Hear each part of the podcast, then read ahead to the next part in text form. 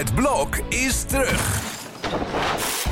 Vier koppels, vier bouwvallen, vier verbouwingen en dus een hele hoop stress. Het blok, iedere werkdag om half negen bij net vijf.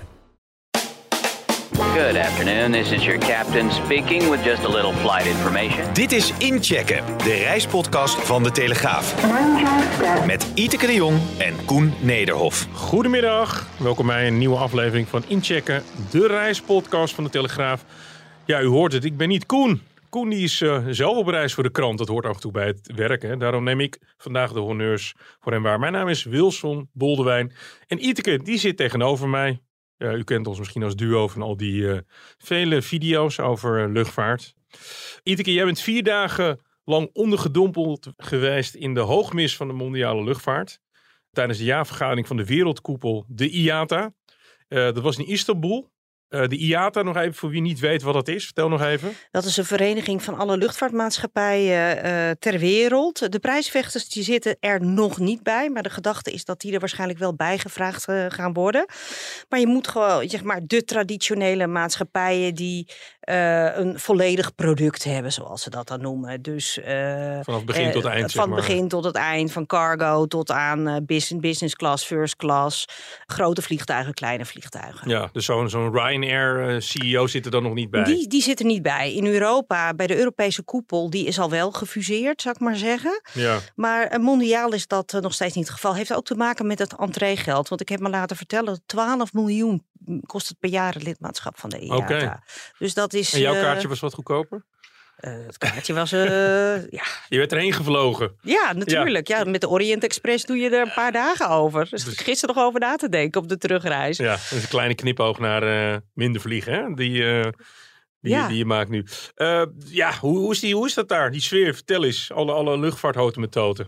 Nou ja, dat is uh, een soort van apenrots, hè, waar al die CEO's, dat, uh, het is een door mannen gedomineerde wereld, uh, de luchtvaart. De bazen zijn bijna allemaal man. Is dat omdat het een, zo'n logistiek karakter heeft of zo? Van oudsher wel, denk ik. je hebt een paar vrouwelijke CEO's. Nederland heeft nu een vrouwelijke CEO natuurlijk in, de, in Marjan Rintel.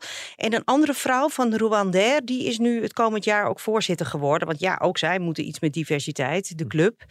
Maar goed, ja, weet je, het zijn allemaal soort van gorilla's die allemaal daar dan aan het praten zijn over hoe goed ze bezig zijn. Ja, en, en jij uh, hebt met Ben Smit gesproken over dat hij zijn bonus niet wil inleveren? Daar heb ik met Ben uh, over gesproken. Ja, te, kijk, als journalist is het een soort van snoepwinkel, want ja. je kunt elke CEO kun je daar aanspreken in principe. En dit jaar was ik uh, wat meer in trek dan uh, normaliter, want uh, ja, vanwege het hele krimdossier van Schiphol. Heel veel mensen hebben mij daarnaar gevraagd, dus op de borrel, maar ook ik kon ineens een één op één interview met Airbus krijgen. Nou, dat overkomt me niet zo heel erg vaak. De vliegtuigbouwer, die zijn er namelijk ook allemaal. Ja, He, want het, voor hen is het ook relevant. en, en makkelijk natuurlijk, dat je snel met elkaar kunt schakelen. Dus we zaten met elkaar gedurende een paar dagen in één hotel. S'avonds zijn er dan borrels en evenementen. En daar zat ook een Nederlands tintje aan. Pieter Elbers. Nou, daar kom ik zo nog op. Ja. Die was ook een van de sterren aan het firmament. Maar we hadden Karsu. Weet je wie Karsu Nee, is? dan moet je me even de. Turks-Nederlandse zangeres uit Osdorp. Die was er. En uh, zij heeft... Oh, uh, zij, ja. ja. Ja, ja, ja, ja. Sorry. Dus wij al- ik wij zat helemaal in de luchtvaartsfeer te zoeken. Ik dacht, ja, Nee, uh, bij het entertainmentsavond. Oké. Zij, zij trad op bij het diner Ja. maandagavond. zij, is een, zij is een grootheid daar, hè? Ja. Ja, en uh, ik kwam haar vader tegen daar uh, op. Uh, ze hadden binnen en Ja, die buiten gaat was ook een beetje. mee, geloof ik. Ja, die was haar manager. Ja. Dus we stonden op een gegeven moment gezellig met haar vader even aan, aan, aan de praat daar op de receptie. En die liet foto's zien dat ze die avond ervoor had ze nog in Keulen opgetreden of zo. Ja, Airbus is nu onze woning, dat zei haar vader. Ja, ze hebben Dus, nog geen eh, eigen Airbus, maar ze zijn hard op weg. Ze, eh, ze is hard op weg. Maar goed, kijk, wij waren als Nederlanders heel erg trots. Want ze wilde ook aandacht eh, hebben voor de aardbeving eh, van Turkije, ja. En ze had er natuurlijk een lied over gemaakt. Daar is ze in Nederland in alle talkshows mee geweest. Dus bij Airbus zitten ook een aantal Nederlanders op de communicatie PR-afdeling. Dus zo was zij een beetje in het oog gesprongen. Ja, want een klein zijwegje. We hebben ook nog even deze week heel veel helikopters daar gekocht weer, hè? Wij hebben ook weer Ja. helikopters. Want op een gegeven moment, tijdens die receptie, eh, maandagavond, zei Wouter van Wers, dat is de Europese directeur van de gewone, Ze van de civiele tak, zeg van de civiele tak, die zei ineens tegen me om zeven uur s'avonds, heb je het nieuws al gehoord? Ik, uh, ik zei, uh, waar heb je het over? Want die anderhalf uur ervoor zat ik met Pieter Elbers, ja. ex-KLM, nu uh, Indigo uit India. Dus ik was even niet aangesloten. Hij zegt, nee, helikopters. Ja, nou, het, toen zag een ik... beetje ingewikkelde naam die ik nog niet helemaal heb. Maar het is altijd wel grappig. Dat, nou, het is niet grappig, maar dat Airbus, maar ook een Boeing, die hebben ook een keiharde defensietak. Hè? Absoluut. En ook Embraer ook. Ja. Nou goed, dus in Nederland, dus ik maakte zo'n grapje. Ik zeg, nou dat hebben Rutte en Macron een paar weken geleden, of 12 april, met dat staatsbezoek dan even goed uh, geregeld. Ja. Nou, dat was dus uh, mooi nieuws, maar niet zozeer voor deze conferentie. Nee, dit is de civiele luchtvaart. Ja, maar over, over anderhalve week dan zitten we met z'n allen weer in Parijs bij de Airshow. En daar is altijd wel een heel groot component. Is militair. dat nog in uh, Le Boucher? Nog steeds? Ja, nog altijd. Ja, dat ben ik ook nog steeds van plan om daar ook even naartoe te gaan. Maar daar is toch meer het karakter eh, op eh, de militaire luchtvaart. Precies. En nu deze afgelopen dagen gaat het echt over de topman van Qatar Airways, die gooide weer eens een keer een steen in de vijver. Dat is een hele uitgesproken man. Die zei van ja, ik ga de first class af, uh, ja, wat ik gelezen, afschaffen. Ja. Voor wie dat niet begrijpt, dat is echt de superklasse. Dat, dat is, echt niet de business class. Dat is niet de business class, maar je hebt daarboven dus bij sommige airlines heb je nog een andere klas. Heb je als het ware een eigen, ja, een eigen afgesloten een suite. Heb je dan. Ja. Of een kubus bij. Uh, nou ja, er waren heel veel collega's die uh, de Sunday Times of zo. Hè, dat was echt een lifestyle, uh, mooi lifestyle onderwerp natuurlijk. Ja. Dus dat. en ja, Schiphol kreeg er keihard van langs. De conferentie was nog maar een uur geopend en Schiphol die was al twee keer uh, negatief uh, benoemd ja. door uh, de voorzitter van en de topman van de IATA, Willy Walsh. Want Schiphol is de slechtste luchthaven ter wereld, want ze hebben hun personeel niet voor elkaar. We gaan krimpen. En, en, ze gaan krimpen en ze hebben vorig jaar ook nog een keer de haventarieven omhoog gegooid. Dit is natuurlijk niet hoe het moet. Nee, en we zijn ook nog een belangrijke hub, dus iedereen krijgt daar ook in boekhoudkundig gezien gewoon mee te maken. Als je, ja. als, je, als je Amsterdam wil aandoen. Ja, maar ik heb dus een, rondje. Hè. KLM die zegt al van, nou ja, wij zullen daar het grote slachtoffer van zijn. Ik ben nu eens even wat, wat breder rond gaan vragen. Bijvoorbeeld ook, hè, dus KLM en Delta, die hebben hele grote operaties op Schiphol. Ja. Doen heel veel vluchten. Vanwege het SkyTeam. Vanwege SkyTeam. Maar goed, wie hebt bijvoorbeeld ook al United. Die vliegt ook op Schiphol. Dus ik vroeg aan die CEO, kreeg ik ook voor het eerst te spreken. Ik zei tegen hem van, uh, ja, wat betekent dat nu voor jullie? Hè? Dat je dan straks misschien van twee per dag naar 1,7 per dag uh, gaat. Maakt dat nou echt iets uit voor jou? Toen zei hij, nou, wij kunnen dat wel opvangen, want wij kunnen overal naartoe. We dus... kunnen alles aan elkaar knopen. Ja, maar ik vind het plan gewoon krankzinnig, zei hij toen tegen mij. Ik zei krankzinnig. Hij zegt, we moeten toch de wereld uh, met elkaar verbinden. Dat is toch gewoon goed voor economie, uh, economieën. Ja. En ja, onderhuids was er toch ook wel een beetje nou, pessimisme, zal ik het niet noemen. Maar de oorlog in Oekraïne, de sluiting van het Russische luchtruim. De topvrouw van KLM die zegt dat, dat ze verwacht dat ze nog tien jaar om zal moeten vliegen als Ja. ze naar Japan wil. Ja. Dat zijn natuurlijk echt, ja, ze houden rekening met dat deze huidige situatie met de geopolitieke spanningen of misschien nog erger, nog jaren zal uh, voortduren. Dus dat, dat was wel een beetje, ja, daar is iedereen natuurlijk absoluut niet blij mee. Nee, Dat is natuurlijk niet, hè, de het kost gewoon veel meer brandstof. het kost meer zijn. brandstof. En ehm, wat gaat er nog meer gebeuren hè, eh, als de spanningen verder eh, oplopen? Maar het is dus een beetje, het is heel, heel dubbel. Hè? Want enerzijds hebben we een grote oorlog en tegelijkertijd er komen steeds meer luchthavens bij in China. Waar we het zo over gaan hebben. Het Midden-Oosten is aan het uitbreiden. Ondertussen willen we steeds meer naar elkaar toe vliegen.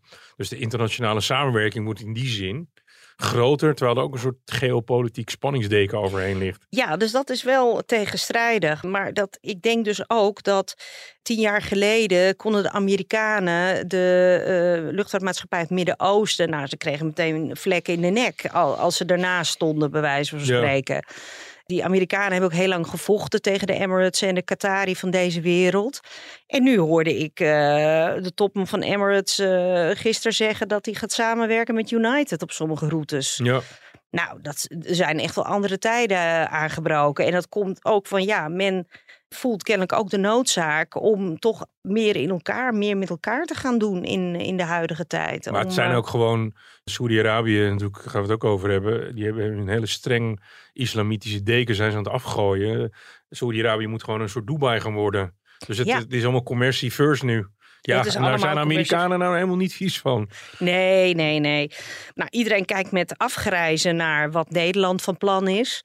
Eh, ik heb ook een aantal gevraagd: verwacht je nu ook dat dat ook in andere landen gaat gebeuren? Nou, Tim Clark, dat is eh, de wijze topman, hij is al 75 jaar. Eh, die heeft Emirates helemaal van de grond af aan opgebouwd. Hij, zeer indrukwekkende staat van dienst. Hij is ook geridderd.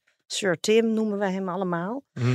Ja, hij denkt gewoon dat het, dat het evenwicht zal gaan verschuiven. Waar nu nog de West-Europese hubs Ja, dominant zijn, verwacht hij toch dat eh, nou, hij zelf, het Midden-Oosten, India. India is natuurlijk een enorme markt. De groei is daar enorm. Waanzinnig grote bevolking. aan de andere kant hoeft hij ook geen supervoorspeller te zijn om te weten dat het zou gaan gebeuren. nou ja, de- de- dat is de- maar eens blijken. Ja, maar ja, de bevolkingsgroei is in Azië. Nou ja, het Midden-Oosten als hub.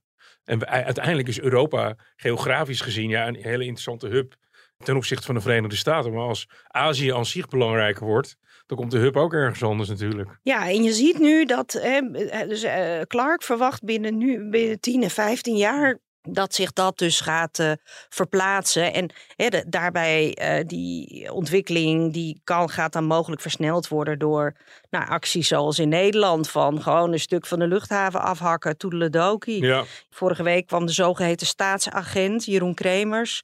Die gaf KLM er vorige week van langs in een, eh, in een afsluitende rapportage. ja. En daar stond eigenlijk in, ja, KLM zou niet naar Kigali mogen vliegen. En waarom dan niet? Nou ja, dat was een eh, bestemming, eh, die was alleen maar toeristisch. Ja. Dus En niet- eh, en niet- volgens hem. En niet het commerciële netwerk wat nodig is. Nee, dus dat is ook een soort van rare. Nou ja, dat is natuurlijk eigenlijk een soort van hele vreemde opvatting. Oh, eh, KLM is een, een commerciële onderneming die, die mondiaal moet concurreren. Maar goed, Ja, als dit soort opvattingen post gaan vatten bij regeringen.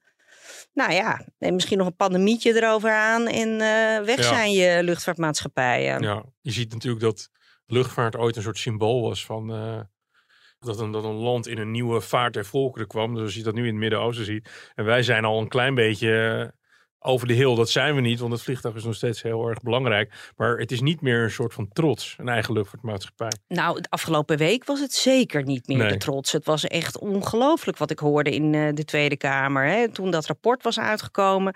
KLM heeft aan eh, een aantal voorwaarden van eh, de lening, een lening, hè, lening, Ja. lening, die vorig jaar is afgelost met rente, heeft ze niet voldaan. En eh, nou, het, de Tweede Kamer was gewoon te klein. En de superlatieven die, die eruit kwamen, eh, werden gewoon met onjuistheden gestrooid. Zoals van, oh, je moet maar zien wanneer je geld terugkrijgt. Nou goed, dat geld was vorig jaar al teruggestort. Maar het beeld wat eruit speelt, ook eh, Kaag was teleurgesteld. Die vond ik eigenlijk nog wel reëler, zou ik dat maar zeggen, dan onze Tweede Kamerleden. Ja, Maar ook die staatsagent, hoe die. hè, want wat hij opschrijft, dat wordt gezien als, als ter zake Terwijl ik daar op sommige vlakken ook mijn, mijn vraagtekens bij heb. Maar ja, als er zo'n sfeer ontstaat. Er is geen liefde meer voor KLM bij eh, Politiek Den Haag. we zijn even van die IAT aan het Midden-Oosten gestapt. Even naar onze eigen Tweede Kamer. De staatsagent was een voorwaarde destijds voor die lening. Hè? Mhm. Toen dat hele corona, eh, door, door de coronacrisis. Is die missie nu klaar? Is de staatsagent nu de facto weer weg? Ja, hij is weg. Die komt gewoon laten- niet meer. Die komt niet meer, want hij hintte in zijn rapportage erop dat hij eigenlijk wel tot 2030 KLM moet verduurzamen. Daar is weer een pad tot 2030 is daarvoor eh, ingezet. Ja, En ja, de- hij hintte er een beetje op, vond ik, dat hij daar, daar dan ook nog maar eens een keer naar moest kijken. Maar, Ja. ik, maar ik heb begrepen dat eh, de- hij nu echt klaar is. Er komt, nou, het kabinet komt nog wel met een evaluatie. Ja, want we zitten toch ook nog met die commissarissen? Een aantal ex-politici die in de Raad van Commissarissen zitten, was ook toe gebeurd. Die zijn er nog wel, toch? Ja, natuurlijk. Want, Ja. want kijk, KLM is natuurlijk nog altijd een Nederlandse onderneming. En Ja. die heeft een aparte raad van commissarissen. Maar goed. ehm, Laten we nog heel even teruggaan naar het Midden-Oosten. Want ehm, een van de grote gesprekken in Istanbul was natuurlijk de lancering van een nieuwe luchtvaartmaatschappij, Riyadh Air. Die de mega luchthaven in eh Saoedi-Arabië eh, gaat worden, eh volvliegen. Die golfstaten gaan elkaar natuurlijk ook helemaal kapot concurreren. Het plan voor die nieuwe luchthaven is een aantal maanden geleden is, dat gelanceerd. Iedereen is misschien, of de, een aantal luisteraars zal misschien wel eens in Doha geweest zijn, of in Abu Dhabi, of in Dubai. Ja, Er is eigenlijk niks, maar er zijn drie hele grote luchthavens. Nu Ja. heeft Saudi-Arabië aangekondigd dat zij een nog grotere luchthaven gaat uh, bouwen. En ik ben zelf op de nieuwe luchthaven van Turkije geweest de afgelopen dagen. Waar ook 200 miljoen reizigers op, op den duur doorheen kunnen. Dus uh, ja, Saoedi-Arabië die is op dit moment bezig met een soort enorm ambitieus project. Om dat land kennelijk toch naar een ander niveau te krijgen. Ze gaan nieuwe steden gaan ze bouwen. Sterker eh, nog, ze gaan zelfs, heb ik begrepen, ik sprak iemand uit Saudi-Arabië een paar weken geleden. Ze gaan zelfs relaxer omstakken met de strenge alcoholwetgeving. Nou, dan weet je, want als je toeristen wil hebben, dan moet er gedronken kunnen worden. Ja, want ze gaan dat helemaal ontwikkelen. En uh, ja, als ze toerisme willen ontwikkelen, dan is dit een ding. En al die mensen zullen daar naartoe gebracht moeten worden. Nou, daar is uh, Riyadh Air. Hoe die vliegtuigen eruit zien, werd de afgelopen dagen onthuld. Prachtig paars met sterren. En ook, ik hoorde nu al van een collega uit Jordanië deze dagen dat allerlei eh, journalisten die worden op dit moment uh, weggekaapt om ergens in het zuiden van Saudi-Arabië, waar ze kennelijk die nieuwe stad aan het maken zijn, om daar als PR-medewerker uh, aan de slag te gaan. Ja, ja dat wordt een... 20.000 dollar per, per maand. Ja, dat, komt het hoogste gebouw ter wereld, komt daar. Ja. ja. Één groot, één groot Dubai plus, zeg maar. Wordt Dubai plus. Ja. Dus dat is op dit moment een hele sensationele ontwikkeling, waar hier in Nederland eigenlijk, ja, dat wat wat krijgen wij daar nou eigenlijk van mee? Niet zoveel. Maar dat, dat Saoedi-Arabië met die, met die Bin Salman het roer om zou gaan, gaan gooien, die contouren, die waren wel duidelijk. Maar nu gaan we het wel echt merken, want ze gaan straks ook gewoon op ons vliegen. Ja, want laatst hadden ze me ook al uitgenodigd op Schiphol, omdat ze hun, de, gewone, je hebt al Saudi Airlines ja. en Riyadh Air, die heeft dan wat meer het, het budget uh, imago uh, straks. Want Saudi, die, uh, ja, die hadden laatst ook voor het eerst dat ze me hadden benaderd, uh, hadden ze een dingetje op Schiphol. Ja. Weet je, konden we met hun spreken. Ik kon helaas niet. Maar ja, je ziet dat zij uh, grote plannen hebben. En gisteren werd natuurlijk ook aan Emirates gevraagd van... vrees jij die plannen uit Saoedi-Arabië ja. niet? Nee hoor. Hij zei een soort van, uh, Tony Soprano, maar eens even te citeren... There's enough garbage for everyone. Ja. Um, Tony Soprano, maffiabaas uit een tv-serie. Dus uh, ja, de groei is volgens Clark voldoende, is al zo enorm zijn dat ze dat op kunnen vangen. Nou, nou, ik was een paar weken geleden in Dubai. Tenminste, alweer anderhalve maand geleden. En toen viel mij de grote hoeveelheid toeristen op uit India. En er zijn er wel 1,3 miljard van. Hè? De Indiase middenklasse gaat ook naar Dubai. En die kunnen er waarschijnlijk prima een Saoedi-Arabië, een Riyadh, en, en, en die, die, die kustplek, ik weet niet eens hoe die gaat heten. Dat kan er natuurlijk gewoon prima bij. Er zijn genoeg mensen in Azië die. En het is voor hen ook helemaal niet zo ver vliegen. Hè? Dat vergeet nee, ook wel eens. Een paar uur. Ja, dan ben je er. Ja, want ik sprak onze andere sterren uit, uh, onze Nederlandse sterren in India ook nog even. Ja, uh, Pieter Elbers. Pieter Elbers, voormalig topman uh, van KLM. Die zit nu negen maanden bij Indigo in India. Dat is een, een budget carrier, is dat. Hij heeft 15 bestemmingen al geopend sinds hij is begonnen. Hij is eh, met grote kisten van Turkish Airlines, vliegt hij nu naar Istanbul toe. Hij vliegt nu naar Centraal-Azië, had hij bestemmingen geopend. Hij heeft met uh, samenwerking met uh, Afrikaanse maatschappijen. Hij gaat nu op, dus op Kenia gaat hij vliegen. Ja. Dus die is met een enorme expansie bezig. En hij heeft uh, 500 vliegtuigen in bestemming. Ja, ik snap het wel. 500. Als, als, we even kritisch kijken naar de demografie. De EU is 500 miljoen inwoners. Iets minder nu met uh, het Verenigd Koninkrijk. Rusland tellen we even niet mee. Nou, dan hebben we India en China bij elkaar, Indonesië erbij. Ja, dan praten we volgens mij al over een, een, derde van de wereldbevolking of zo. Dat zijn natuurlijk achtelijke ja, dit is, wij, wij, wij, zitten hier gewoon compleet in de periferie straks. Ja, hier gebeurt niks meer. Dat, dat gevoel. Nou ja, wij, gaan, wij gaan straks met de trein, toch? Ja, dat, dat zou de bedoeling moeten zijn. Maar ja, uh, wie, uh, dan gaat de trein, de Eurostar, er weer een, uh, weer een jaar uit. En kunnen we niet met de trein. Een beetje afrondend, hè? weer even switch terug naar onze politiek. Van, kan je de vraag stellen, wanneer gaan wij weer van KLM slash onze luchtvaart houden? Ja, dat is natuurlijk een, een lastig te beantwoorden vraag. Ja. Ja, uh, ik heb het gevraagd aan Marjan Rintel, de topvrouw van KLM, afgelopen weekend ook in Istanbul. En uh, ja, zij zegt: als wij uh, onszelf gaan verduurzamen.